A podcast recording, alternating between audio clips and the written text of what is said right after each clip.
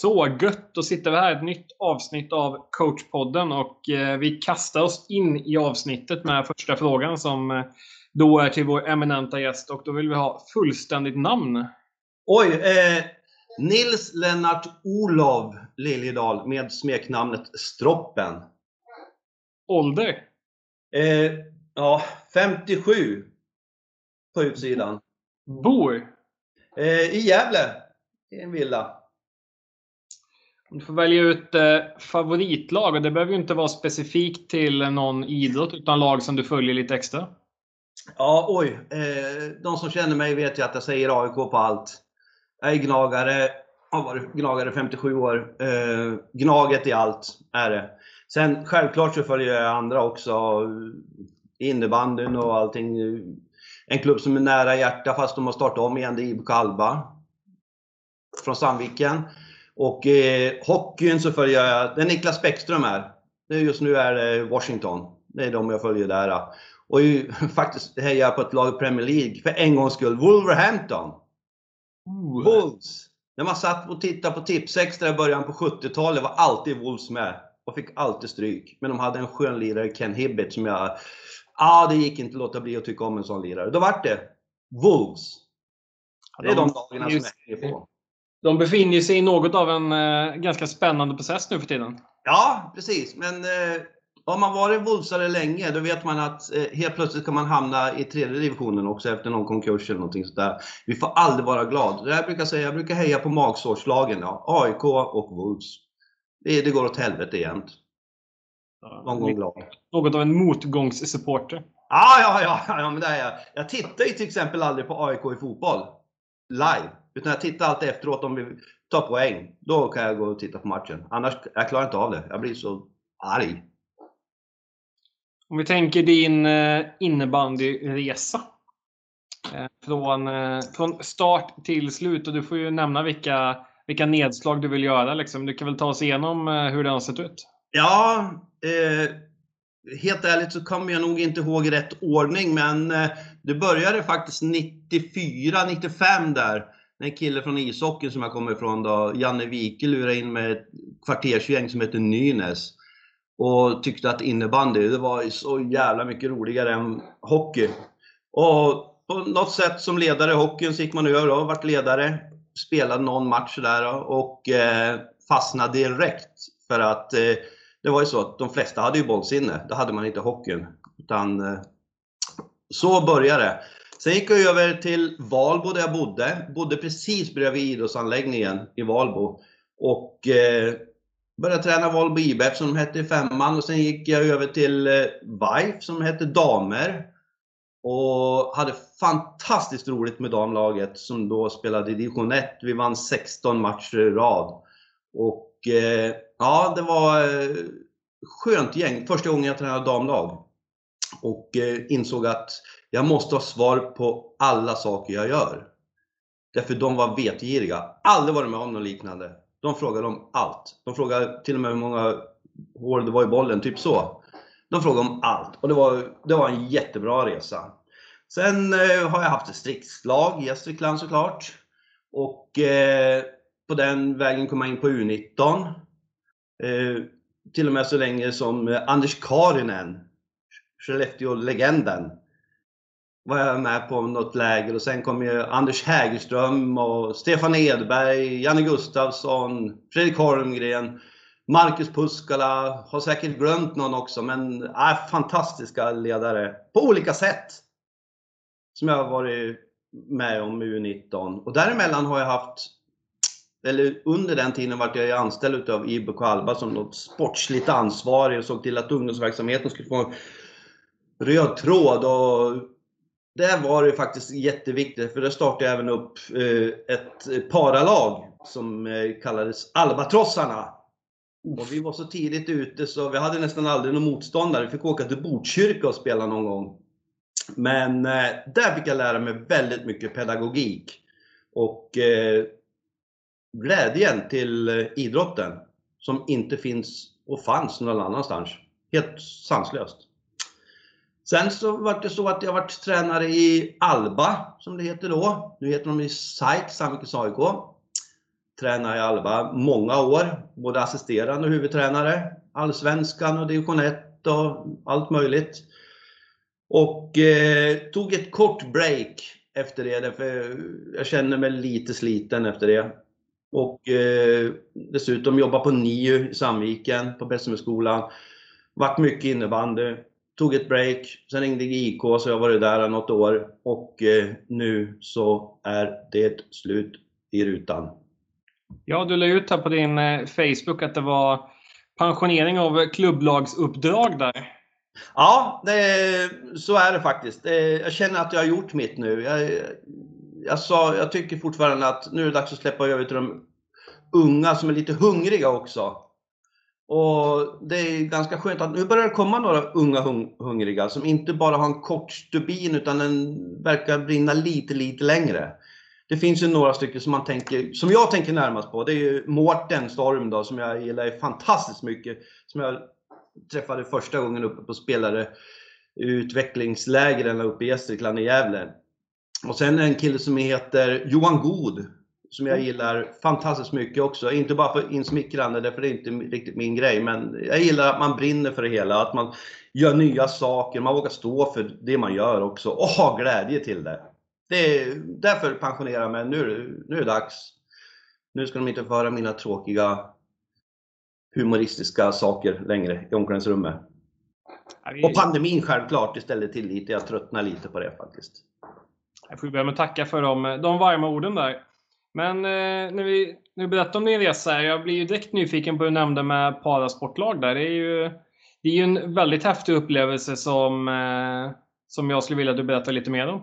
Ja, det, albatrossarna i Sandviken var ju fantastiska därför vi startade upp från noll. Jag hade ingen att fråga hur man skulle göra eller någonting utan vi körde från direkt. Och det var ålder, den som var äldst var 61 år, den som var yngst var 12. Bara det gör ju att det är fantastiskt roligt. Sen händer det ju saker. De ställer ju frågor som ingen annan i hela världen skulle våga ställa. Och de ställer det rakt upp i ansiktet och det är bara att svara. Samma övningar, man gör väldigt enkla övningar, precis som i ett herrlag i Allsvenskan som jag haft nu då, eller i U19. Passa från A till B. Det låter jätteenkelt. Det är bara det att du måste nästan visa hur bollen ska gå, därför annars tar han vägen via väggen eller taket eller någonting sånt. Pedagogiken är otroligt viktig. Så det var en fantastiskt rolig tid med albatrossarna. Vi åkte som sagt var till Botkyrka och spelade någon match. Vi vart inbjuden till Ejendals arena en gång och var pausunderhållning mellan Falun och AIK. Och det var första gången de spelade match på riktigt fast det var mot sig själva. Därför vi hade inga motståndare i Dalarna då. Och den resan fick mig att se att fan, det här med idrott, det är viktigt som 17. Vi har ju några juveler, som jag kallar dem då. Svenne bland annat, när vi skulle spela då. Det var en eftermiddagsmatch som var lördag. Eh, och jag ropade byte. Och då byter ju allihopa och så var det Svennes tur att hoppa in. Men det, så funkar det inte i hans värld utan då var klockan tre och då var det fruktstund. Så han satt och eh, skalade en mandarin och hade en banan bredvid sig. Ja, det var bara att köpa läger, för han vägrade. Klockan tre är det fruktstund. Köp läger, ta någon ny, ta någon annan. Sen tog det bara inför andra, andra pausen fick vi också hoppa in och spela. Och det var samma sak då. Svenne, nu ska du in. Ja, men då kommer inte jag byta därför jag hade fruktstund förra gången. Det ska vara lika för alla, sa han. Så han spelade hela tiden och vart de andra sura. Men bara en sån sak. Att det är inte så jädra... Fruktstund är faktiskt viktigt i livet det också. Ta med oss den. Man ska ha för sina fikatider.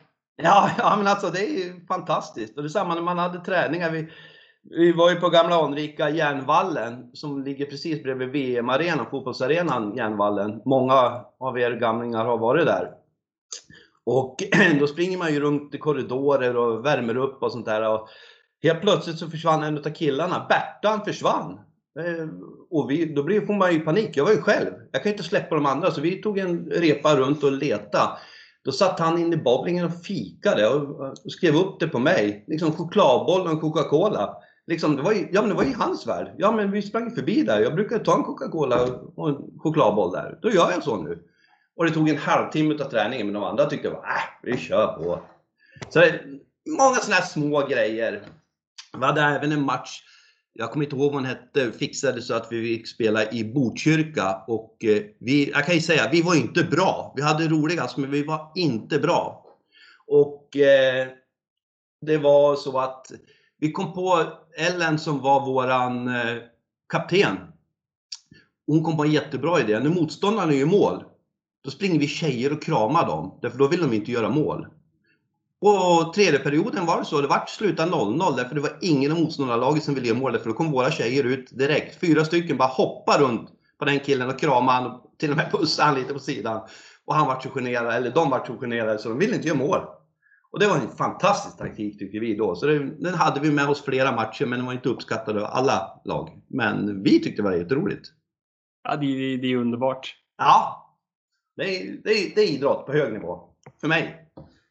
Det är som du säger också att det ställer ju liksom enormt höga krav på den pedagogiska förmågan. För det är som man pratar om att man ska inte säga att en typ av ledarutmaningar, att just att träna ett herrlag är si, att träna ett damlag är så, eller att det är enklare framför det andra. Men jag tycker det är så otroligt intressant med grupper där man verkligen får liksom ställas inför nya utmaningar hela tiden och alltid måste vara liksom på tårna. Ja, och inte precis vara på tårna och eh, hela tiden tänka på vad man säger, nästan tänka före vad man säger. Till exempel bara säga, man kan inte ropa spring hem. Därför då springer de ju hem. Så enkelt är det ju. I mångas värld. Eh, utan det är, då måste man förklara. Spring till våran målvakt och ställ dig framför han. Och hela tiden sådana här pedagogiska utmaningar. Vad som helst eh, för det mesta. Kom ihåg att äta. Ja, du måste ha bestick. Ja, för oss är det självklart, men det var inte för dem. Så jag åt, nu sätter vi oss och äter och har inte tagit fram bestick åt dem. Då åt de. Det hände faktiskt en, en gång, det var därför jag tog fram det. Han började käka med händerna. Ja, helt okej okay för oss. Men de andra på restaurangen tyckte inte det var lika mysigt. Jag hade en egen, ett sidospår där, men jag hade ju en egen eh, vid något tillfälle lagarcoach och sa att jag tyckte de skulle prata mer på plan. Då fick jag motfrågan om vad då? ja, visst. Då inser man ju också liksom såhär, jo men vad fan. Det är ju en sån där sak man bara säger att ni ska prata på plan. Det låter ju bra liksom. Ja. Jag fick ta, ta några minuter och sen liksom säga okej, okay, jag gör så. Jag återkommer i den här frågan. Och sen fick jag ju förklara sen att jag tänker kanske att om jag som bollförande spelare slår en passning till dig och ser att du hamnar i trångmål och att det kommer en spelare bakom, då kanske jag kan uppmärksamma mina kompisar på att passa tillbaks bollen eller akta rygg och såna saker. Så då fick jag ja. och då, då var hon nöjd med svaret och då sa hon men det är inga problem. Men då, det var konkret liksom. Och det tycker man nästan att våra elitspelare och elittränare skulle gå ner på mera paraträningar och lära sig utav dem. För första glädjen som är fantastisk när man slår en bra passning eller när man gör en bra räddning eller om man skulle göra mål också, för den glädjen är ju fantastisk. Det är ju är det varv flera gånger om när man gör mål när man ligger under med 14-0 och tycker att man är Guds gåva till idrotten.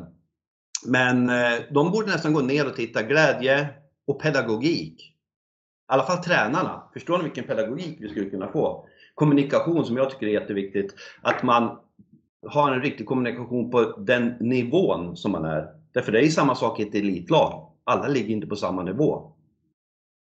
Och den pedagogiken, den är jättesvår i lagidrott, tycker jag. Om man tänker liksom de här åren du har varit aktiv på klubb och landslags och distriktslagsnivå och, och alltså om du får välja ut någon, eh, någon eller några favoritmatcher eller någon match som betyder lite extra eller att du minns tillbaka till att eh, den här matchen, då jäklar. Ja, det finns ju, ja, oj. Som sagt som jag sa till dig tidigare, jag är inte direkt förberedd på det här. Eh, men VM-finalen mot Finland med 94 det var... Vi hade förlorat guldet med 92orna, 2-0 i finalen. Vi tycker att, eh, ja, det har varit lite snuvade på guldet va.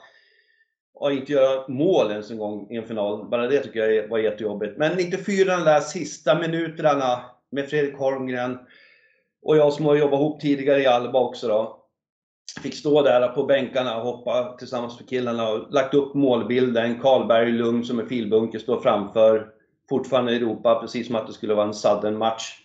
Det var, den matchen var revanschmatchen. Fast det inte var Finland vi mötte. Jag har för mig att det var Schweiz till och med vi mötte i finalen, vann med 5-2 eller någonting sådär. Men eh, just den tanken, bilden vi hade målat upp från början med att vi skulle stå där och bara wow, jubla ut. Då, det är såna här rysningar man får sig själv som ledare. Det är ju en av de här matcherna som är eh, ja, jättestora i, hos mig i alla fall. Eh, det har ju blivit några VM-guld, jag kommer inte ihåg hur många jag har, men eh, det låter skrytsamt men det är inte vad jag vill ha så att säga i mitt CV, utan jag vill ha glädje runt omkring. Sen har jag eh, faktiskt, jag, jag vet att jag har över 20 DM-guld i olika i Gästrikland, men det är inte så svårt i Gästrikland. Vi är så lite strikt så har man ett lag där alla vet om de skjuter left eller right så brukar det faktiskt funka. Men eh, jag hade ett gäng med de som var född 81 med Mattias Lindberg och Henrik Kotten Söderqvist och några till juveler. De var, de var rätt duktiga de killarna. Och eh, då spelade vi DM-final mot Gävle GIK med, som yngre juniorer. Och eh, finalen efter skulle vara äldre juniorer. Och då vann vi första matchen och andra matchen, så, till andra matchen, det var uppvärmning, då satt vi kvar. Medan äldre juniorlaget GIK startade upp sin uppvärmning, satt vi kvar och bara väntade. Liksom, det var samma lag. Vi var ett eller två år yngre än de var. Och så vinner vi på straffar med Henrik Söderqvist som gör en magisk straff på slut, sista som händer. Det var ju ganska skönt. Två DM-guld på tre timmar med samma lag. Det var, ja det kändes, den, den är riktigt god alltså i hjärtat. Den är jättebra. Sen är det mycket matcher i övrigt. Där är det liksom matcher och matcher, men liksom VM-finaler är VM-finaler. Men eh, också en VM-semifinal med 89 i Bern. När vi ska möta Schweiz i en VM-semifinal i Schweiz med alla dessa jävla skallror och tuter och allt möjligt. Och ja, Det var helt magiskt vilken stämning det var innan matchen. Det var liksom, jag satt en stund bredvid Thomas Tim, vi, vi domade i basen då i Sverige och vi hörde knappt vad vi sa till varann. Och sen så efter en period då satt de flesta schweizarna kvar i kafeterian för ledde med 7-1 och Torsson hade gjort två kassar tror jag det var. Matchen var död. Det var det liksom, det också en sån här Wow, vi var så nervösa innan. Och det, det var också kanske 89-nas VM i Bern var ju ett sjukt roligt VM. Vi hade ett fantastiskt lag. Eh, många, många bärande spelare som sen blev bärande i landslaget också. Men eh, några saker kommer jag ihåg, därför det var också mot Schweiz, uppvärmningen när Simon Nilsson sköt och japanerna sitter bakom Sveriges mål och jublar varenda gång han sköt, för han sköt ju så hårt. Så han vart ju en idol. Och sen var vi också samtidigt, var René Bergliat som var våran lagvärd. Och eh, han såg ju till att vi kom ner på någon träning, någon, eh, något pojklag i Schweiz och jag kan säga att vi vart favoriter. Därför att Simon sköt ju några skott och ja, några av de här lirarna visade upp sig. Och de hade vi med oss mot Schweiz med svenska flaggor. Så det var ju ganska roligt. Mm. Att man har med sig schweizare, bara att man kommer ner på en träning och visar upp sig. Och visar vad man kan. Vi hade ju hyfsat lag mot 89 det, det, det går inte att neka till. Det, det var bra killar både på och utanför plan. Ja, det är väl där stommen har varit i herrlandslaget de senaste åren. Det är väl just spelare födda runt 89, 90, 88 någonstans där va? Ja, precis. Ja, 88 var inte dåliga de heller. Med Joel Kanebjörk och Kim Nilsson och...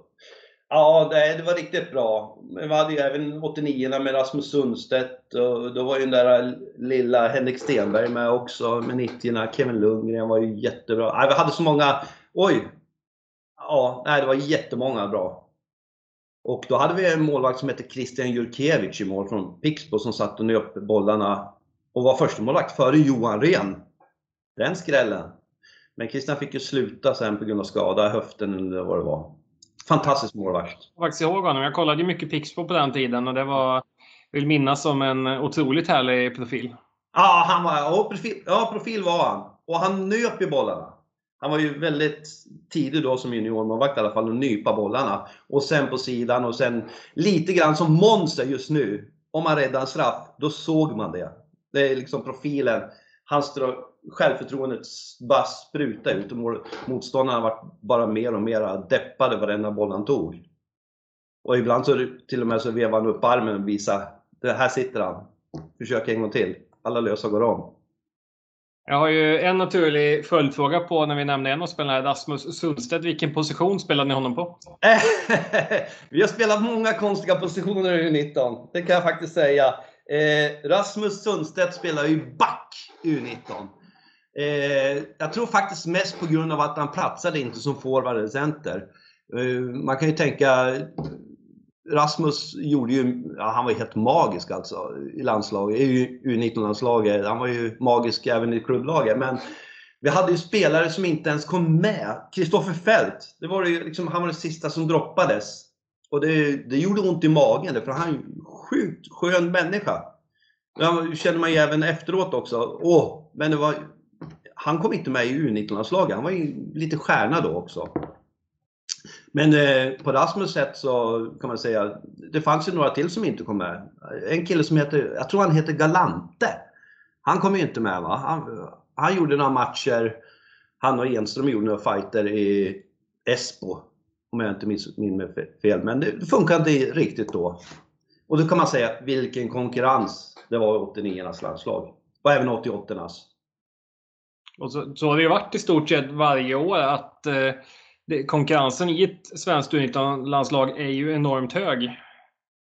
Ja, och det är ju det som är eh, det, det jobbiga, därför vi har alltid ansett oss på senare år också, vi är världens bästa landslag, men det är vi ju inte. Jag hade ju turen att få vara med på det senaste guldet vi vann med 94 Och eh, vi säger fortfarande att vi är världsledande, men det är ju, då ljuger vi för oss själva ganska kraftigt också. Förra VM-finalen mot tjeckerna, då hade vi kanske världens bästa spelare på andra sidan. Men Tjeckien hade världens bästa U19-landslag. Som körde fysisk innebandy. Modern innebandy också. Och vi hade jättebra spelare, men det räckte inte till. Och då måste vi sätta oss tillbaka. Vad gör vi för fel? Vad hittar vi för någonting? För eh, 10 år sedan, 15 år sedan, jag är så årvill, men då, då hette någonting Kraftsamlingen som vi träffades i Stockholm på. Lands, herrlandslaget tappade sitt VM-guld och juniorlandslaget tappade sitt VM-guld. Då var det panik i lederna. Jag kommer inte ihåg om det var Christer Kalte som var chef för oss då. Och eh, då var det en kraftsamling. Kom ut något jättebra utav det till slut. Och en sån sak behövs nog nu också. En kraftsamling. Vad är vi på väg? Vad ska vi göra? Eliten. Vi måste se till att vi vinner VM-guld. Och vi ska vinna snyggt tycker jag också. Det är min mening. En kraftsamling för svensk, idrott, eh, svensk innebandy. Och den, är, den är väldigt intressant. Jag har ju haft förmånen att stå som eh, arrangör i olika landskampssammanhang som vi anordnat här nere i Uppsala där jag är verksam i, i mitt jobb då. Men där hade vi till exempel då EFT 2018 18 om jag inte minns fel, helt fel med herrlandslagen och U19-landslagen på, på här sidan. Men det var ju en sån intressant detalj som att första matcherna låg fredag. Jag tror torsdag kväll checkade väl de flesta lagen in, men tjeckerna var där redan på måndagen och hade liksom en träningsvecka mer i sig när de gick in i turneringen än vad de andra lagen då hade tillgång till. Så att mycket är väl också intressant att kolla på förutsättningar kring, kring landslagen. Precis, och det ligger vi i Sverige lite risigt till om man jämför med typ Schweiz som jag varit några gånger och hälsat på René Bergliat och hans lag Könitz några gånger. Och vi har ju, vi kan inte rå för att Sverige är så fantastiskt långt. Utan vi ska dra fördelen av att ha spelare uppifrån Luleå ända ner till Ystad, om man säger så. Men eh, det är också en sak, eh, när jag pratade, jag och min son var och hälsade på Könitz, vi fick följa med på en bortamatch. Och spelarna var lite griniga för det var ju två timmars bussresa. Och jag och min son satt bara och gapade för det var fantastiska vyer. Det var berg och det var sjöar och det var vattendrag och det var allting helt magiskt. Då berättade sen René vad han hade sagt till grabbarna. I Sverige kallas det här derby när det är bara två timmar. Han har varit med mig om vi har åkt 70 mil på en match. Och han berättade för killarna att i Sverige är det här derby. Och då måste man överföra det till landslag. Alltså då ska de ha en samling så tjänar de ihop för det första jättemycket tid och mycket pengar. För de flesta är ju i närheten. Och där tappar vi mycket pengar. Men vi måste göra någonting annat bra utav det hela. Regionsläger, ja helt okej, okay, men vi måste faktiskt skärpa till oss och shapea upp det lite, lite till tror jag. Om vi ska vara med i den yttersta, yttersta eliten. Och det, det är ju otroligt intressant när man pratar prata geografi, för du var inne på också just att du har utgått från Gästrikland i mångt och mycket. Mm. Och det är ju som, som du nämnde ett litet distrikt. Men vad, om man tittar på liksom förutsättningarna för innebandyn i Gästrikland, hur skulle du beskriva dem? Eh, oj. Eh, eh vi har eh, SSL-nivå på arenan. That's it. Sen har vi lägre ner. Jag har haft turen att fått vara med i Gävle IF en gång i fotbollen på sidan med Stefan Lundin och Pelle Olsson. Och där de sa, startade från division 2 och sa att för att vi ska kunna gå högre upp så måste vi ha en eh, organisation och eh, styrelse som håller en allsvensk standard. Och de jagade i ett år och till slut fick de ihop det. Tre år senare spelade de Allsvenskan. Lite sensationellt i övriga Sverige. Precis så måste vi göra i Gästrikland. Vi måste se till att vi har bäst organisation, vi måste ha bästa styrelserna och nu kommer det värsta. Vi måste samarbeta. Litet distrikt, stora bekymmer. Samarbete, det är nej. Utan vi ser bara till att de som ligger lite högre upp, de ska vi gå förbi. Det är jätteviktigt. Eh, kan säga samma sak. Det känns som att Gästrikland och Västernorrland, det är liksom hand i hand. Vi bråkar med varandra så får någon annan ta över sen. Eh, Gästrikland behöver samarbete, riktigt bra organisation. Sen kan vi börja snacka om spelare. Inte än eller, utan vi, sen kommer det. Gästrikland, vi har fostrat jättemånga bra spelare. Det har vi gjort. Vi har många som spelar SSL och landslagen på herr och damsidan. Men vi kan inte få dem kvar därför vi har inte organisationer runt omkring. Och det är jättejobbigt att se det. Och känna det också. Och de som är i organisationerna nu, de gör ett förbannat bra jobb. Men de behöver vara fler och de behöver dra åt samma håll. Och det Gästriklands stora problem är att vi är många småpåvar som inte lyckas komma överens. Och tror att vi är högre upp än vad vi är. Mm. Och eh, ja, nu ska vi samarbeta med Hälsingland om jag har förstått det rätt. Om vi ska bli Gävleborgs innebandyförbund. Och jag ser bara positivt i det hela. Vi kanske får in nya influenser. Eh, lika litet distrikt. Större kanske till ytan men utövare, vi, tillsammans blir vi ju lagom stora då. Men då kanske vi kan hjälpa varann. Jag har varit ute på spelarutbildningar i Hälsingland och det är, liksom, det är glädje. Och den måste vi ta hand om. Kanske har lite organisation som vi kan lära oss av också.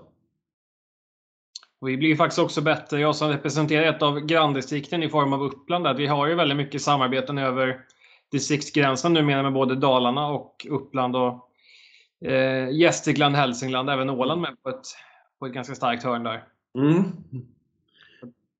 Ja, det är intressant det du beskriver, för jag tror att kan vi bli duktiga på distriktsnivå och samarbeta och att det kan smitta av sig till klubblagsnivå och sen på lagnivå. För det är också en intressant detalj man kan se att det står ett lag på en innebandyplan 20 x 40 storlek, en och en halv timmes träningstid och så är man nio spelare. Ja, ja men alltså, ja. Och samarbete, det är, det är A och O. Små distrikt måste samarbeta mycket, mycket mer. Även stora. Eh, stora distrikt har kanske lite större problem med andra saker. Men vi smådistrikt, vi måste samarbeta. Och samarbete det betyder att jag måste ge mig på några punkter för att få igenom mina punkter. Och det är inte Gästriklands stora styrka kan jag säga. Det är, det är vi riktigt dåliga på. Utan vi ser lite snett på de andra och tycker att mm, fan nu är de där uppe. Nu ska vi gå förbi dem igen. Utan eh, samarbete. Vi har inte många mil från ena gränsen till den andra. Det är 4-5 mil. Liksom, köp det läget och jobba tillsammans. Annars kommer vi aldrig någonstans. Annars kommer vi hela tiden att hålla som bäst till Allsvenskan. Mittenlag i Allsvenskan. Så är det. Det gäller samma sak med sponsorer och allting sånt där. Juniorsatsning skulle jag vilja ha. En riktig rejäl juniorsatsning. Så de, så de får lära sig allting runt omkring. Inte bara på plan utan även utanför. Det är jätteviktigt. Och då tror jag att man satsar lite, lite extra också. Ja, för sen är det intressant om man jämför de små distrikten med de stora. Jag tror att det var eh, Magnus Fredriksson på Innebandy Magasin som skrev en krönika om att vi kommer ju ha en SM-final här i Gävle, men den kommer ja. inte innehålla ett lag från Stockholm, Göteborg eller Malmö. Nej, och Stockholm, då grinar jag lite. För där, där finns det så jädra mycket talang. Ja. Och där finns det ju så, jag, jag, kan inte säga om det är så, men det verkar inte finnas organisation. Fanns det bara ett en förening som hade organisationer runt omkring det som till exempel AIK hade tidigare med Lasse Granqvist och, och några till. Inte omtyckt i Stockholm, men det funkade. Men har de en organisation, vilka fantastiska lirare de har. Det är bara att se vad de har i Allsvenskan. Det är, alltså plocka ihop ett lag där då. Det kan du göra lätt till att göra ett SSL-lag. Kanske inte SM-finallag, men däremot ett SSL-lag. Absolut, absolut. Det finns så många bra spelare i Allsvenskan och många kommer från Stockholm. Samadani, vilken lirare! Oj, oj, oj! Om man tänker eh, under de åren du har varit verksam så har ju säkerligen hänt en del med, med sporten och den har väl, eh, gissar jag, utvecklats en del. Är någonting du känner liksom att just det här har blivit jäklar så mycket bättre under åren? Ja, det finns några saker. Eh, den fysiska statusen är ju fantastiskt mycket bättre nu än, ja, än när jag började med U19 med 81 och de här. Äh, det, det är en sån otrolig skillnad och eh, det är inte bara fysiska löpningen utan runt omkring allting, rörelse, koordination, allting är mycket, mycket bättre. Vi har många fler lirare, bättre lirare, sista liran är bättre. Nackdelen är att ibland hinner vi inte vara lirare utan det går för fort. Det är lite som ishockeyn är ute på, det går för fort. Det, den utvecklingen tycker jag är jättebra, den fysiska biten och vi är inte ansedd som en kalanka idrott Många säger att du är det, men de vet inte vad de pratar om. Ta ner dem på en match så får de se att det smäller mer än vad det gör i SHL. Och eh, det älskar jag med att det är många bra spelare. Det spelar ingen roll om man scoutar motståndare, det kommer alltid någon ny som gör en magiska grejer som man wow! Eller springer mycket, eller ja, vad som helst. Det är, men just den här fysiska utvecklingen älskar jag inom innebandyn. Och det gör att vi får en bra status. Och det behöver vi ha när våra gamla lirare inte ens tycker att det är roligt att titta på innebandy. Då är det jobbigt. Och om man tänker motsatt fråga då, liksom, är, det, är det någonting vi har tappat bort lite under åren som var liksom en viktig del av innebandyn förr, som tycker att det här borde vi liksom ta upp igen? Ja, lite både bredd och toppen. Bredden för det första, de här äh, gamla föreningarna som inte spelar så högt upp, men var oerhört viktiga för innebandyns start de som hade ekonomichefen hade hela ekonomin i bakfickan och de här små klubbarna. Det är helt magiska. Eh, vissa ledare brann ju för det där. 24-7 var de ju vaken, det var bara innebandy. De saknar jag lite grann. De finns inte längre. Utan nu ska man gärna ha en liten ersättning eller någonting sånt där för att man ska göra någonting. Och det som har blivit lite sämre på innebandyplan tycker jag faktiskt ibland är att det går lite för fort ibland. Eh, vi hinner inte med de här härliga Christian Hellström-dragningarna och allting sånt här. Hellgårds passningar. Det går inte lika lätt att göra det. Samtidigt så är det en utveckling, ja, visst. Men då ska allting utvecklas, ska ledarna utvecklas. Det är ta med 17 samma ledare fortfarande som där för 10 år sedan i många föreningar längre upp. Eh, domarna behöver ju utvecklas. De är ju med och styr utvecklingen oerhört mycket. Tycker jag i alla fall. Eh, men de kanske styr inte åt rätt håll alla gånger. Men eh, ofta så gör de det. Hade, måste säga, jag hade fantastiska domare. Jag är ju som sagt var, var i Gävle Geek och eh, vi mötte Täby en måndagkväll i Stockholm klockan 20.00 och då kommer Thomas Andersson med kollega och dömer. Och där såg man ju skillnaden på en SSL. Domare och en eh, domare från Allsvenskan. Eh, han dömde inte alltid rätt. Men alla köpte det han dömde. Och det var inte på grund av att han hade statusen, därför vissa killar hade aldrig sett honom förut. Utan det hur han var på plan, kommunikation. Det var, allting kändes jättesäkert. Gick förbi, drog en liksom, nästan en historia, ledare mellan så här. Och, och ja, skön. Och det vart en så bra stämning. Och det vart en saddelmatch. Ja, de som var bäst på plan var faktiskt domarna. Det får vad vi säga vad vi vill om, men domarna var bäst. Missade lite, men det var ingen som brydde sig styr utvecklingen, berättar för spelarna vad de tycker, så här, kör vidare. Älskar sånt. Just när man är inne på domare så är det ju intressant att prata. Det är inte alltid resultatet man är ute efter, utan bemötandet. Ja, och eh, det är faktiskt, de är matchledare eh, 40-20 inne på plan. Vi är matchledare, ledarna på sidan och ska försöka styra. Och får vi inte med oss domarna, eller domarna får med oss, eh, får med sig oss, då, då, då barkar matchen faktiskt åt helsike. Och jag, jag pratar, gjort det väldigt mycket i år. Vinst eller förlust går jag in till domarrummet efteråt och prata, ge feedback och så vill jag ha lite feedback tillbaka. Jag är sällan jag får feedback tillbaka. Därför de håller inte koll på om vi spelar 2-2-1 eller 2-1-2 eller någonting. Det, det har de inte koll Men jag vill gärna ge lite feedback till domarna och jag skäller ju aldrig. Det är, det är inte min grej. Men eh, berätta vad jag tycker, vad man har missat och mest är det här kommunikationen och vara lite avslappnad. Bättre att be om förlåtelse än tillåtelse. Liksom, kör på det, men berätta för oss hur ni tänkte. Vissa domare slänger upp näven. Nej, inget snack. Då får man inte en bra kommunikation. Man behöver inte prata varje domslut. Man kan prata någon gång, springa förbi båset och bara liksom kolla läget. Tycker ni det är bra eller någonting sånt där. Vi hade Hållén Ekberg från Gävle, faktiskt, Gävle-Valbo, som dömde till och med en SM-final.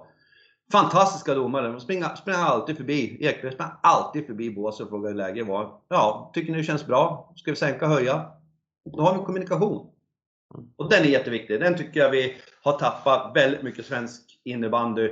Domarsnacket. Och eh, alla observatörer som domarobservatörer. Det var ett domarpar jag fick höra. Ja, domarobservatören skickade sms. Vi har tagit för lite utvisningar. Nej men de var ju inte på plan. De hörde inte snacket. Vi tyckte det var jättebra. Skit i dem sa jag. Kör! Och det är ju, domarna, det är ju så. Vi, många domare är på väg uppåt, men se till att de får rätt nivå. De måste vara bäst i division 1 för att gå upp i Allsvenskan. De måste vara bäst i Allsvenskan för att få gå upp i, all, i S, S, SSL.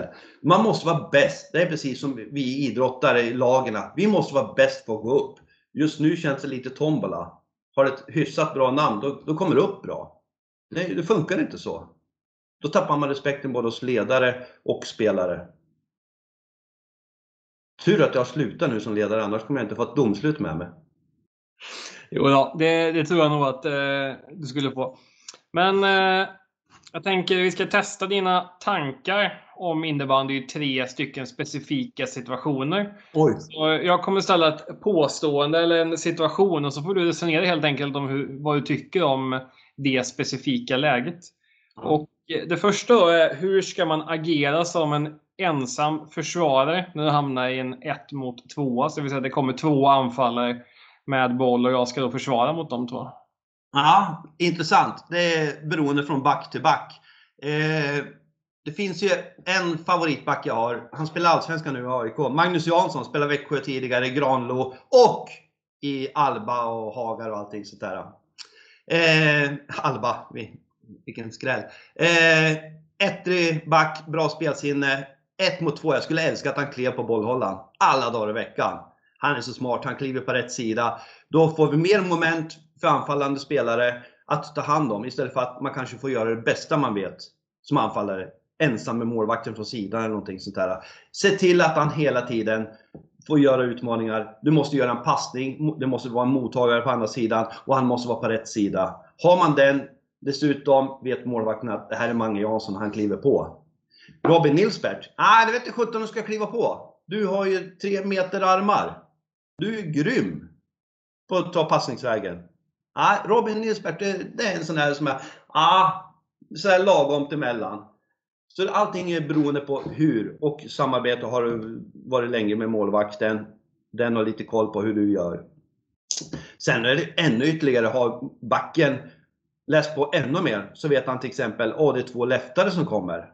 Spelar han över, ja då får han en lång väg, han får en svår mottagning. Han kanske måste ta han till och med på backhand och lyfta upp han. Då skulle jag kliva på alla dagar i veckan. Men i våran idrott så är vi inte professionella. Vi kan inte sitta och titta igenom motståndarna. Många har spelat mot varann. Ja visst, men eh, det är också att tänka lite, lite längre. För det är ju intressant, för det kan man ju se ganska ofta. Du pratar ju om det här att ta passningen. Det är ju sån här klyscha inom innebandyn som jag tycker den, den ska vi ifrågasätta. Precis som du beskrev här med Magnus Jansson att det kan finnas en jäkla fördel att kliva på. Men Eh, för ibland blir det just det här att man ska ta passningen och så tar man passningsspelaren och nästan går ut och manmannar på den. Ja. Så att det slutar med att bollförande spelare får ett friläge och det är kanske ett ännu sämre än ett skott från kanten liksom. Ja, ja, ja precis. Och det är ju alltså, det är nästan, jag tänkte säga något dumt, jag tänkte säga att det är bättre att ta en straff för att komma inte slå, slå in returen heller. Men eh, man måste utmana han som har bollen lite grann. Man kan inte backa ut på kanten och passera centrallinjen allt för mycket. man måste se till att de måste ta ett beslut också innan de kommer fram till målvakten. Det är vad jag tycker. Och nästa situation som du ska få grotta ner lite i, det är att vi kommer som anfallande lag i en 3 mot 2. Vad tycker du är viktigt för de här tre anfallsspelarna att de eh, tänker på eller gör? Ja, men eh, det är också en sån här, eh, vilka, har jag spelat ihop med mina lirare, eh, kompisar mera så jag vet att jag har rightare till vänster, jag har en leftare till höger om jag kommer med bollen som centralt. Jätteviktigt för mig att veta om jag ska släppa bollen. Ser jag till höger och Leptan till vänster, ja då är jag så jävla ego så då går jag på skott. Så jag hoppas att någon utav de först, andra går på returen och någon går på djup och kommer bakom. Men jag måste ju veta vilka jag har med mig. Det är liksom, det är A och O i anfallsspelet. Därför är det så viktigt tycker jag att, eh, lite Tommy Sandlin, det här social innebandy, det är att man får spela ihop tills man misslyckas alldeles för mycket. Då får vi bryta. Men eh, spela ihop och så känner vi varandra. Rightan till vänster, leftan till höger. Då har jag alternativ. Är de på fel sida, ja då får jag faktiskt göra målet själv. Lite ego. Kanske inte svar på din fråga, men eh, det är så jag tänker. Mycket det här, tänk efter, leftare, rightare. tycker det var ett väldigt bra svar på frågan, så att det, det får du klart godkänt för. Och sista situationen då. Eh, vi jagar ett reduceringsmål eller ett avgörande, så vi plockar målvakten och spelar 6 mot 5. Vad tycker du är viktigt att vi har med oss in i det, det läget? Eh, det, där är så mycket psykologi i, tror jag. Eh, jag tror att spelarna som spelar 6 mot 5, Allsvenskan och SSL, det, det är nästan shit the same vilka det är. Bara man tror på att man har en, kanske har eh, tränat på det, en variant, två varianter, sen funkar det inte längre. Därför är vi innebandyspelare, vi är inte några kärnfysiker, vi ska inte tänka så mycket. Men eh, att man tror på saken, att man får in bollen. Och återigen då, det är ju hela tiden det här direktpassningar, direktpassningar, få flytta motståndarna till att vi får ett bra läge. Och för det mesta så ser man ju, ja i Allsvenskan då vet man ju att, som nu, nu senast vi mötte eh, Bele, då vet man att Samadan, vi ska ju ha bollen. Ja, men han ska inte ha bollen. För då är det mål. I våran serie så är det mål. SSL så gör han kanske bara 35 poäng. Men eh, då är det så att man måste tänka ut vilka det är som ska ha bollen. Hela tiden. Vilken är det som kan göra målet? Vilken är det som ser nätet och inte målvakten? Vilken är det som ser hela tiden att jag har chansen? Och vågar ta chansen. Därför är de andra fem så förbaskat duktiga så de lägger upp att jag har fått bra skottläge. Då får jag inte passa. Då tycker jag att de har ansvar mot de andra. Precis som i spelet, då har jag ett ansvar att göra ett avslut. Och då ska jag se till att göra ett bra avslut också. Det är också kravställning, som vi inte har så jättemycket av. Men eh, det här sista ordet du nämnde, kravställning, att vi inte har så mycket av det. Den eh, utvecklar den, det var intressant. Ja, nej, men kravställning. Jag vet inte. Eftersom jag kom från hockeyn, då var det så. Kravställning, det var ett ord som liksom följde med. Eh, I innebandy tycker man att kravställning, det är nästan så att då är vi ovänner. Jag vill ställa krav på min polare bredvid att lägga upp en jättebra passning åt dig så du kommer fri, då vill inte jag se att du missar på grund av lite slentrian. Då ska du fasen få höra det när du kommer in i båset. Du behöver inte skälla, men nu gjorde jag så här bra. Så det här måste du klara av mycket, mycket bättre. Ställa ett krav på att jag vill ha tillbaka en passning jag också när du har öppet mål. Hela tiden ställa ett krav, krav, krav. Vi blir bättre av kravställningar. Har vi bara slentrian? Ja, hyggligt brorsan, bättre lycka nästa gång. Funkar inte. Vi är inte så. Inte innebandyspelare. Dessutom innebandy, vi måste vara lite läckra också. Det är ju, det är våran grej. Men eh, ta bort läckerheten så gör vi snygga mål ändå. Men just den här kravställningen på träningen att ja, ah, nu kommer vi två mot en, jag försöker göra någonting. Ja, men gör det en gång, men inte två gånger. Inte tre gånger om du misslyckas. Se till att vi gör mål på träningen. Därför en träning är ju faktiskt så att har du 100% rätt på en träning, då har du misslyckats med träningen. Då har du inte utmanat dig själv. Har 25% fel, då har du faktiskt vågat gjort någonting hela tiden. Utmana dig själv. Gör det på träningen, gör det på träningen, gör det på träningen. Utmana, våga. Då ska du få höra det när du gör det bra. Men har du, har du misslyckats 3-4 gånger med samma pass, då ska den andra backpartner eller någon säga åt dig, nu får du fasen ta och tänka efter lite. Nu får du faktiskt ta och spela tillbaka till mig, för jag kan göra det här mycket bättre. Det är en kravställning. Och det, det är egentligen det du beskriver, det är en kravställning på att man är påkopplad och närvarande i stunden. Liksom, och inte kanske just att man ställer krav att man måste sätta bollen i krysset nio gånger tio. Nej, nej precis. Men jobbar jag arsle av med för att han ska få en bra målchans, då vill inte jag se att han lajar bort den. Utan han ska också vara seriös när det gäller. Eh, jag kommer ihåg, eh, vi hade Marcus Puskala, eller vi, U19 hade Marcus Puskala som förbundskapten och han älskar ju det här med att eh, på sidan ska vi vara sköna människor, bra, liksom olika karaktärer. Men när domaren blåser, eller när det är träning, då är vi påkopplade. Och det älskar jag med landslagen. Där, har, där kan man verkligen säga att vi är sköna på sidan, men när pang tjong, det börjar uppvärmningen, då är det 100%. Det glöder i ögonen på många. Och den, ta den till klubblaget. Oj, oj, oj vad bra de skulle bli då. Det ja, Puskala, där hade du rätt. För en gångs skull. Och eh, på tal om U19, jag vet inte om det här uttrycket är kopplat till U19 eller om det är kopplat till det generellt. Men jag förknippar det väldigt starkt med uttrycket vinnarväder. Ja, det finns ju jämt. Eh, jaså? Ja, ja, du har ju hört talas om det? Mm. Ja, det är många U19 som säger det faktiskt. Till och med när man skriver till dem på några sociala medier så får man alltid tillbaka vinnarväder. Vinnarväder startade, jag kommer inte ihåg vem som startade med det, men jag tog över det. Om det var Stefan Edberg länge, länge sedan som började med det. Och jag tyckte det var så fantastiskt att innan vi stack ut och joggade på morgonen innan frukosten, eller gick en promenad.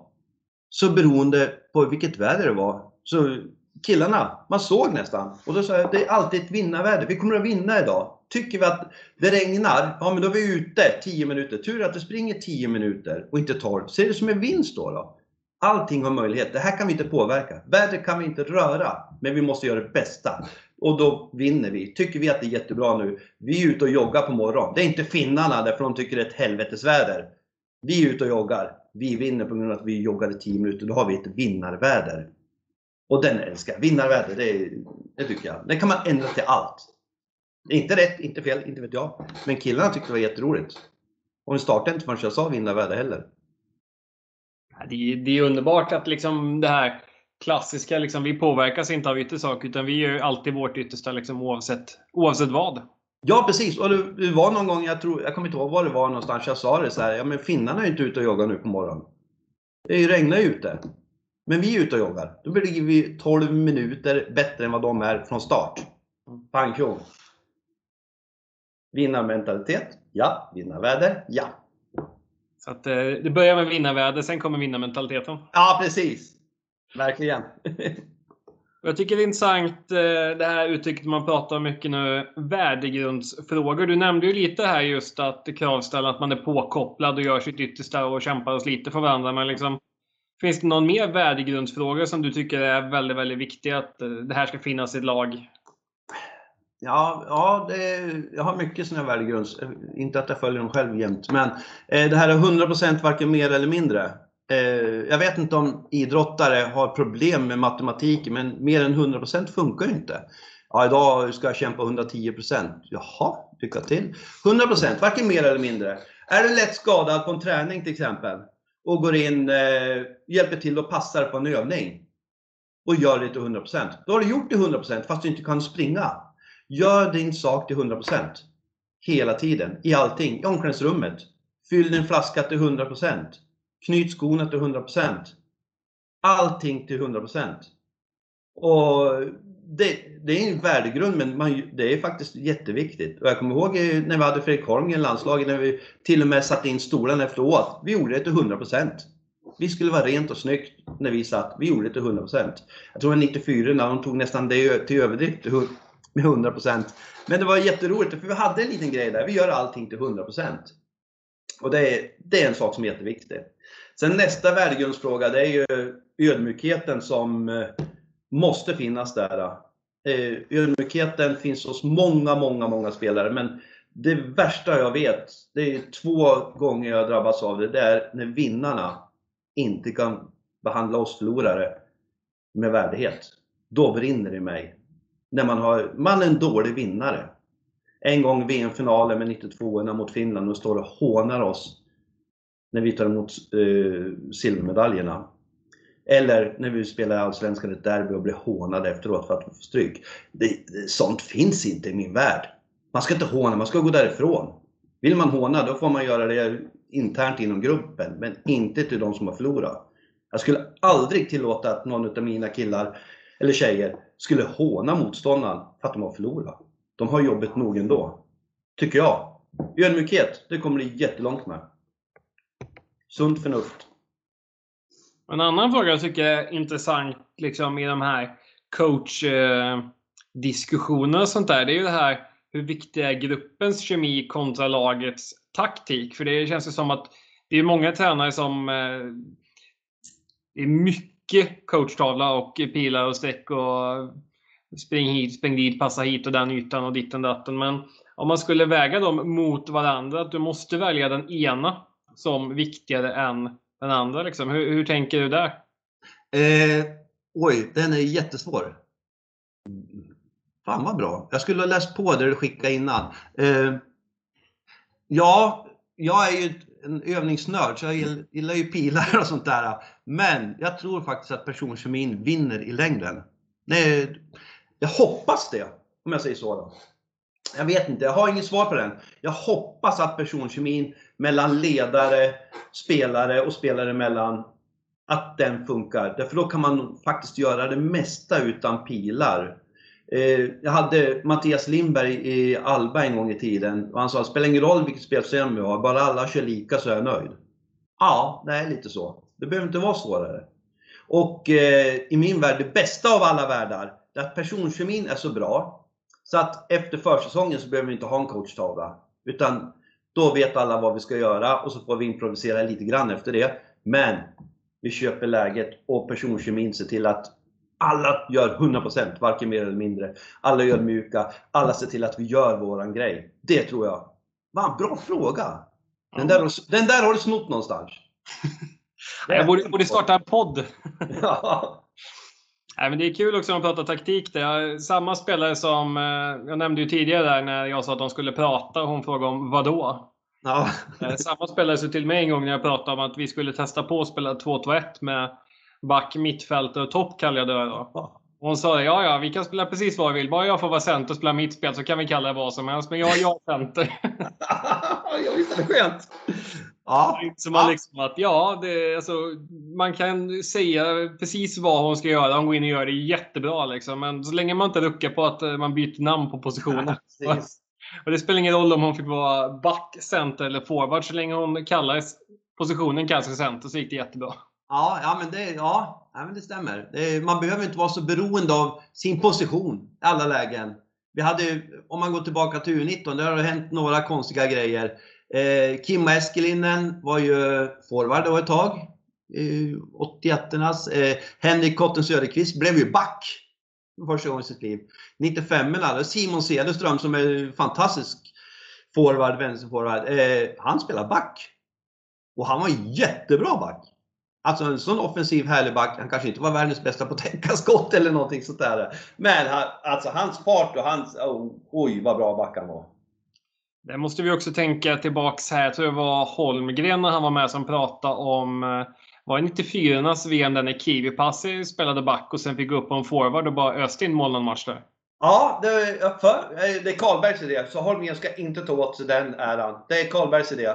Eh, behövde någon uppe i toppen där, eh, en 2-2-1 som behövde springa av sig. Och Kiwi Pass är helt magiskt. Ja, eh, ah, helt bra. Fantastisk kille att köra. Han körde till han stupade och så in och ta lite syre och så ut och köra till han stupade och gör mål och det är succé och Ja, men det var det här VM som du bara flöt på. Det, vi hade krissamtal någon match också men eh, liksom det var så bra killar runt omkring. Men Kivipassi sluta vara back, gå upp och kör. Och han gjorde det jättebra. Det är, ja, grymt lag. Grym kille.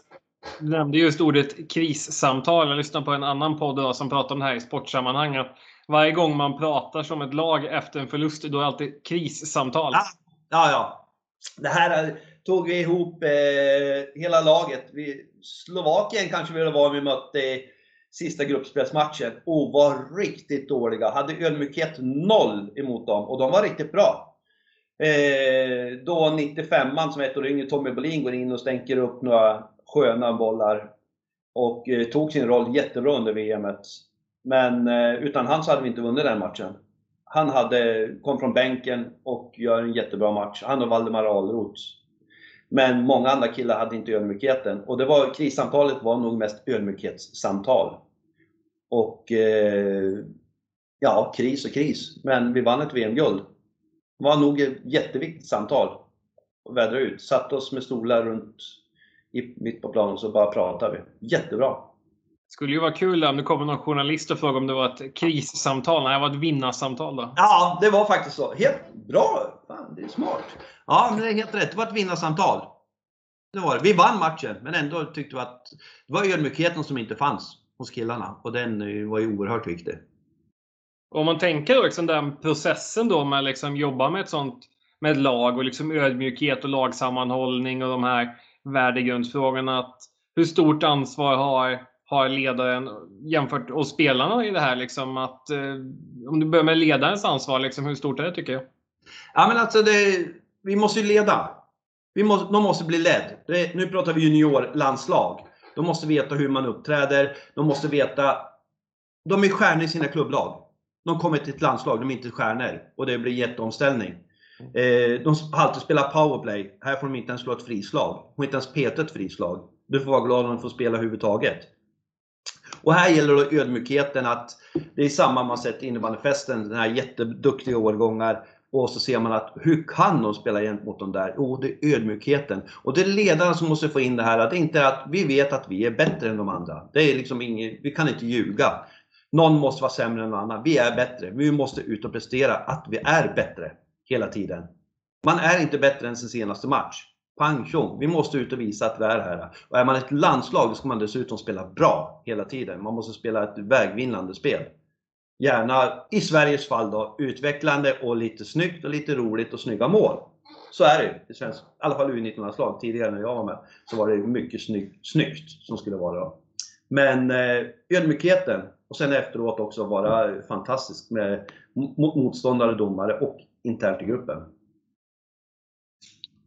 Det är ju liksom så otroligt intressant att försöka grotta ner sig i de här delarna. Men om man, tycker, om man tänker om de här taktiska delarna. Liksom, eh, hur mycket skulle du säga att det kan påverka ett lag? Om man tänker, klassiska brukar ju vara man går ju liksom till, har ett tillräckligt bra lag så kan vi vinna oavsett taktik. Men liksom, är det liksom en klyscha bara? Eller liksom, hur, hur stor del har taktiken i lagets eh, spel? Nej, men eh, alltså klyscha och klyscha. Men det är ju faktiskt så att taktiken spelar ingen roll om du spelar 2-2-1 eller spelar högpress, lågpress, man-man eller vad du gör. Alla måste veta vad de ska göra på plan. Sen spelar det nog ingen roll vilken taktik du har. Och har du rätt spelare på rätt positioner, då blir det bra. Du kan ha fel spelare på positioner och det blir inte bra, men du har kanske en jättebra taktik. Du måste veta själv vilka spelare du vill ha i laget, vilka positioner. Då är taktiken kanske grundläggande i ett spel ha en grundspel. Spelaren känner sig säker när man går ut. Jag vet vad jag ska göra. Kan göra lite improvisation, men grunden har jag. Och grunden måste du ha i allting i idrotten. Men improvisationen måste finnas där och de andra måste köpa dina improvisationer också. Man kan inte bara göra improvisationer. Då, då funkar det inte. Men taktiken är jätteviktig. Jag är lite nörd, sådär taktiknörd och övningsnörd, men eh, jag tycker fortfarande man kan släppa mycket. Eh, kan bara säga det att jag tycker fortfarande att det är otroligt när jag höll på med hockey och man gör det fortfarande. Ishockey, slutet av matcherna, VM, SHL eller vad som helst. Då börjar man ta fram tavlan för att killarna ska veta hur de ska göra, röra sig 6 mot 5. Eh, ursäkta, ni är proffs. Ni måste veta innan matchen vad ni ska göra. Oavsett vilken det är. Ni som sitter på bänken. Vad ska du göra? Du ska sitta på bänken skitbra. Och ni andra måste veta exakt vad ni ska göra. kan inte ta fram en coachtavla. Det går inte. Då är det bättre att vi snackar eller gör någonting så du slappnar av och sen går vi ut och gör det bästa av situationen. Men en coachtavla i 6 mot 5, då är man dåligt förberedd tycker jag. Det, nej, det köper jag inte. Har säkert gjort det flera gånger själv. Eller säkert, jag har gjort det flera gånger själv. Men eh, jag tycker fortfarande när jag tittar på det, tycker jag det ser oförberett ut. Om man tänker någon match här framöver som du känner att eh, den här är du lite extra sugen på att, eh, på att se? Och det kan ju vara liksom en match i närtid eller ännu längre fram. finns det någon match du känner att ah, men den här den kittlar lite extra? Ja, det, det, finns en match som jag eh, vill ha snart. Det är en U19 VM-final mellan Sverige och Finland. Eh, går inte att förringa Schweiz, alla framgångar tidigare och Tjeckiens guld senast. Men Sverige-Finland U19-final och Marcus Puskala får lyfta pokalen. Det tycker jag vore helt magiskt att vi vann en sån. Det, det är vad jag verkligen ser fram emot. Att vi vinner ett U19 VM-guld. Vi är inte bäst i världen nu. Vi ska bli, men vi är inte det. Vi är trea kanske. Mm. Det är, jag kan bara instämma. Den, den matchen vill vi nog alla. Alla se och se fram emot. Liksom. Eh, och det är väl nästa chans här i augusti tror jag VM blir flyttat till nu. Eh, ja. ja. Eller någon gång. Eller någon gång. Eller någon gång. Dessa tider vet man inte. Exakt. Men eh, nästa moment här. Du ska få fem stycken snabba frågor. Det är såna här antingen eller. Du får välja det ena alternativet då. Okej, okay. ja, shoot. Match eller träning? Träning. Anfall eller försvar? Anfall. Seriespel eller turnering? Turnering. Klubblag eller landslag? Åh, oh, fy fan. Åh, oh, klubblandslag. Eh, ah, landslag. Aj, jävlar. Ja. Gävle eller Sandviken? Eh, Valbo, mittemellan där jag bor. Bodde. Synd va? Det är stark helgardering. Ja, jobbar i Sandviken, bor i Gävle, har bott i Valbo. Och det eh, om man då bara ska slå ner lite på eh, träning före matcher. Det är, det är ändå någonting i mig som tycker att det är det eh, realistiska tränarvalet där, men uh, utveckla ditt uh, val av träning före match. Eh, jag säger träning alla dagar i veckan. Eh, Därför jag älskar att sitta hemma och tänka att eh, motståndare eller om man gör även en måndagsträning. Funkar i köksbordet? Ah, funkar det sen också på träningen? Det finns en mening med övningen. Killarna ska förstå varför jag gör övningen. Och all, bytesordningen rätt. Det är faktiskt det viktigaste. Men eh, just att få en övning som man har hittat på. Det är helt magiskt skönt när man ser att det fungerar. Och sen att någon gång under matchen att eh, ja, där satt våran övning. Det är lite tränarorgasm men eh, jag tycker fortfarande att det är Spelarna känner inte samma sak förrän de blir tränare. Men det är en träning, göra en övning som gör att det funkar riktigt. Det är, det är helt magiskt. Det är bättre än den första perioden i en match kan jag säga.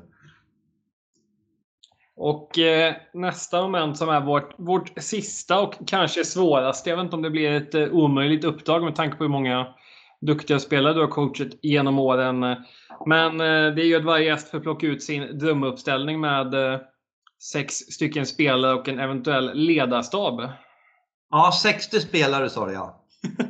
Eh, eh, ja, kan, nu kommer det hoppas lite här, men eh, etta i mål, det är ju Måns Parsjö Tegnér. Det är, ah, det är, jag säger bara wow. Det är magisk kille, fantastiskt duktig på plan. Eh, älskar hans eh, egoboostar när han gör bra räddningar, straffräddningar. Det är, alltså många retar sig, men fan killen är grym. Och sen är det ju så att eh, på sidan, han vill ge tillbaka lite till innebandyn. Eh, vi hade eh, spelarutbildning med Gästrikland för en vecka sedan, två veckor sedan. Atletbiten. Det ju, ringer bara upp Måns och frågar om han vill ställa upp via Teams. En timme på en lördag eftermiddag. Jätteroligt. Ja, självklart! Han spelar in en film i förväg att han ska vara med och ställer upp och gör det jättebra. Det är en topp elitidrottsman tycker jag. Ger tillbaka och berättar. Ah, sen, hyfsad kille att ta bollar tycker jag hyfsad. Ja, hyfsad kan jag skriva under på. Ja, det är bra. Sen eh, på backsidan, och nu uttalet kan bli fel, men Christer Savonen.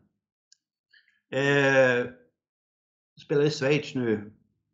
Spelar i Classic tidigare och har mött honom mot honom i landslag. Fy farao oh, vilken tråkig människa att möta. Det händer ju saker som inte har hänt förut. Han gör saker som ingen gör. Han har en kroppsfys, när han var yngre, hade han en fys som såg ut som att den här killen, den köttbullen kommer att kliva av efter 10 minuter. Nej, den som avgjorde i sadden eller någonting, det var ju alltid han. Eh, spelintelligent, snabb, passningar som är magiskt och straffar som ingen har sett förut. Nu börjar alla kopiera mer och mer, men utan Zorro. Men eh, ja, sjukt bra spelare. Det är i mitt tycke världens bästa back. Jag gick in där, för jag var ju på plats och såg Finnkampen i Borås när 94 spelade. Mm. Eh, och då, var just, då hade man kanske inte sett så mycket Finland. Det var ju liksom innan sändningarna och sådär dök upp liksom på webben och så. Och så när man, precis det du beskriver liksom, en eh, ja, lite halvrund snubbe som kom in på backen där. Och man liksom hajar till lite. Sen när man börjar se liksom att han, de flesta spelar ju passningar på 5-10 meter kanske. Aha, det är 25 meters passningar och sen han står och pointar i powerplay där liksom. Att Ja. lasermackor till liksom, ja, det är helt otroligt. Det, det var en sån här riktig wow-upplevelse i innebandy. Man ser liksom, okej, okay, nu snackar vi landslagsnivå. Någon som sätter, höjer ribban för hur bra man kan vara i den här sporten. Ja, och det är alltså den back som vi är mest oroliga för när vi möter dem i 92orna. Det är, det är en back som vi är mest oroliga för, därför han är farlig offensivt. Vi tittar inte så mycket, ja vi tittar självklart på deras forwards, men han som back, vilka passningar. Ja, han är magisk. Det är, den eh, tycker jag är i alla fall är världens bästa innebandyback. Mm. Sen har jag en, eh, ja han säger inte att det är skräll, men Henrik Kotten Söderqvist. Inte många som vet vilken det är kanske, förutom Gästrikland.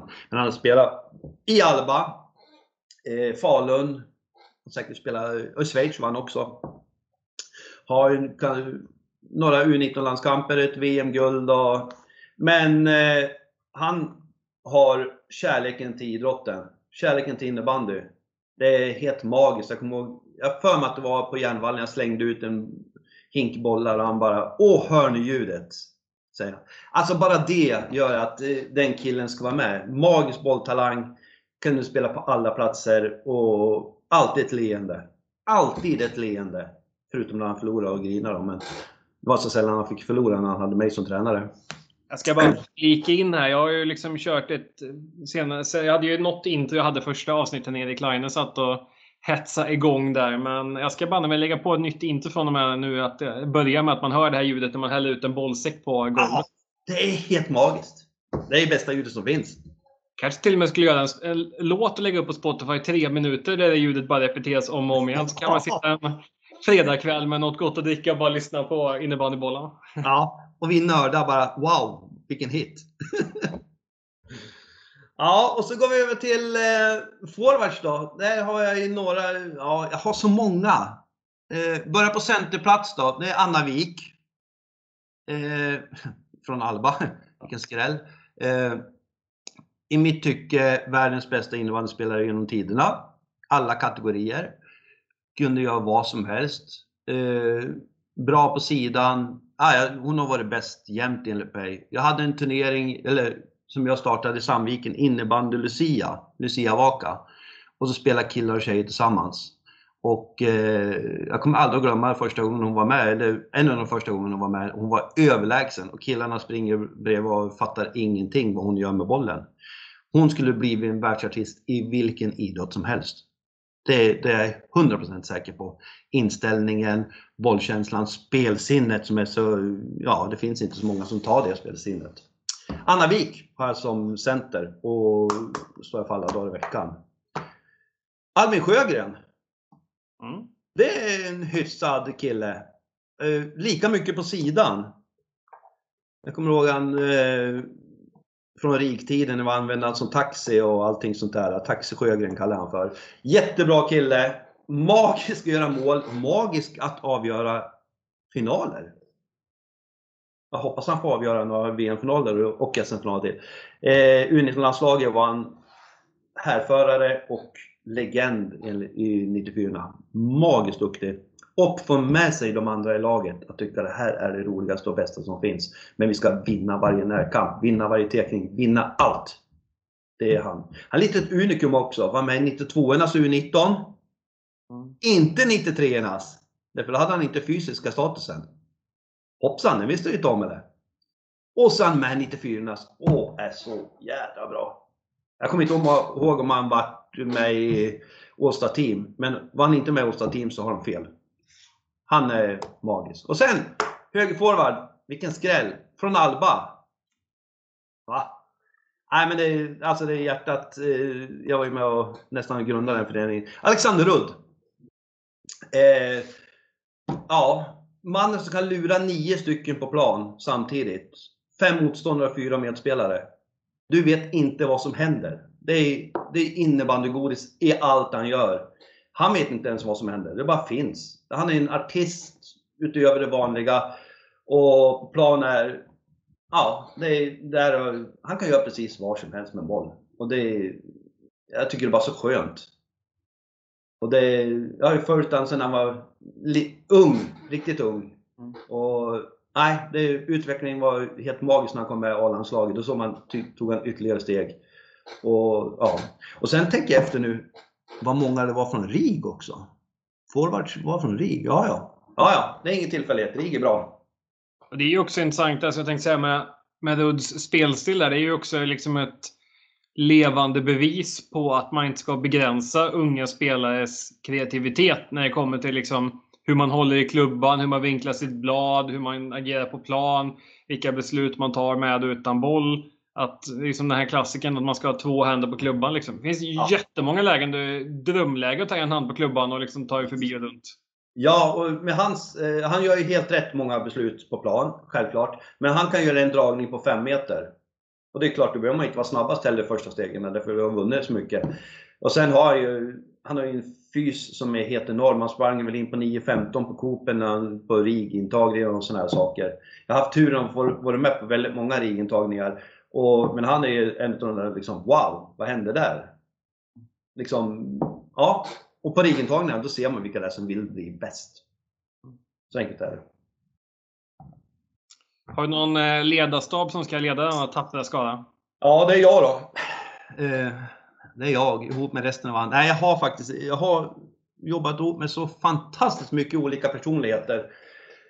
Så det går inte att säga någon speciell. Eh, jag har jobbat ihop med René Bergliat som har många historier när han skulle lära sig svenska och allt det här eh, från Schweiz. Som sen hade svensk, eller schweiziska landslaget och sånt här. Fredrik Holmgren har jag liksom varit ihop nästan sedan hans tränarkarriär började. Han hade haft något damlag före. Vi är vänner, pratar med varandra nästan varje vecka. Ja, men alltså det går inte, Janne Gustafsson, det går inte att ta alla de här landslagsledarna. Och klubbledarna finns det ju ännu, ännu mer utav. Men det man inte får glömma det är de här klubbledarna som brinner för idrotten, som inte syns, som inte får uppskattning alla gånger. Eh, vi har ju en, nu i Gävle GIK, Peter Marklund. Han finns bara där. Han jobbar i arslet av sig för klubben, men han finns bara där. Och helt underbart, sådana människor måste det finnas. Och jag tror vi tapp, har tappat några av de där i svensk innebandy, de här som brinner för idrotten. Brinner för att vara nere någon timme, fyra gånger i veckan ibland till och med. Sådana får vi inte glömma. Och jag älskar ju också tränare som vågar ta plats. Jag tycker det är skönt att vara lite i bakgrunden nu. Det är liksom Prata med tidningarna, nej det får du göra. Och det, här, det är skönt att slippa det. Men jag älskar tränare som verkligen vill, därför de vill de gå framåt också. Och det är förhoppningsvis i framtiden Mårten Storm och Johan God och det finns säkert några flera goa gubbar som vill visa. Du börjar ju media nu, det här, vad det heter, podd. Ja, denna, denna lilla trevliga verksamhet. Ja, ja grymt. Och eh, med det sagt, det var ju väldigt fina slutord. Så att vi säger ju ett stort tack för att du tagit dig tid att medverka i coachpodden och att eh, klubblagspensioneringen faller väl ut. Att vi kan eh, ses så fort förutsättningar finns att ta en kaffe på någon innebandymatch uppe i Gavlehov. Ja, men det är, det är ära att få vara med, kan jag säga, med dig här. Och tackar. Fortsätt att jobba det du kan för svensk innebandy. Då är jag nöjd. Och eh, stort tack till alla er som är med och lyssnar också. Vi finns ju på Spotify, Podcast och coachidan.se. Ni får gärna följa och prenumerera. Och sen finns ju även podden på sociala medier i form av Instagram och eh, Facebook. Så att, kul att ni är med oss. Hoppas ni är med oss även framöver.